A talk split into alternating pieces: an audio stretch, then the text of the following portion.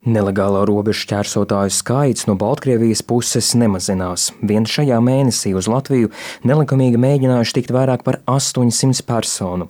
Kopumā šogad novērsti jau vairāk nekā 5000 personu mēģinājumi, liecina robežsardzes dati. Situācija uz robežas draud pasliktināties arī Krievijas algotņu grupējuma Wagner pēdējo nedēļu aktivitāšu dēļ Baltkrievijā.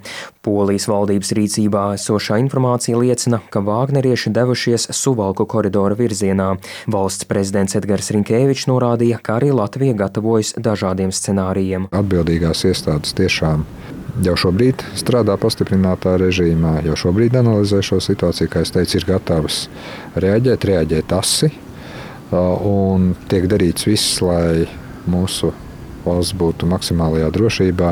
Mēs arī koordinējam savu rīcību ar citām valstīm, Lietuvu, Poliju, līdz ar to tiek plānoti visi iespējamie atbildes scenāriji, bet hibrīda karš, diemžēl, ir neparedzams tieši ar to, ka tev jābūt gatavam norēģēt strauji arī uz lietām, par kurām tu varbūt neesi domājis vēl pirms nedēļas vai divām. Valsts austrumu robežu aktīvi uzrauga robežsargi, kas atzīst, ka Latvija atrodas geogrāfiski sarežģītā situācijā, jo robežojas ar abām agresīvajām valstīm.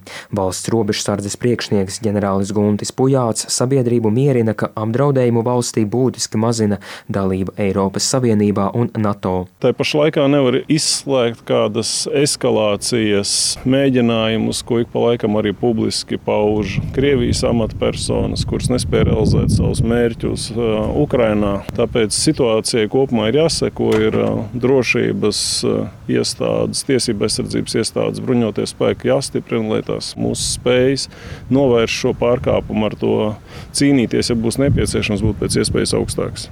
Situāciju uzlabošot iekšlietu ministrijas struktūru vienībām nepieciešamie vairāk nekā 200 miljoni eiro, no kuriem daļa vajadzīga arī robežsargiem, kuri cieši no darbinieku trūkuma. Šobrīd viņam nepieciešama aptuveni sestā daļa, jeb 350 darbinieku. Par trūkstošo naudu robežsargi no valsts prezidenta ir sadzirdējuši pozitīvas vēsmas. Tas palīdzēs pātrināt arī žoga būvniecību uz Latvijas un Baltkrievijas robežas. Pēc plāna žogs ir jāpabeidz nākamajā gadā. Viktors Demidovs, Latvijas radio.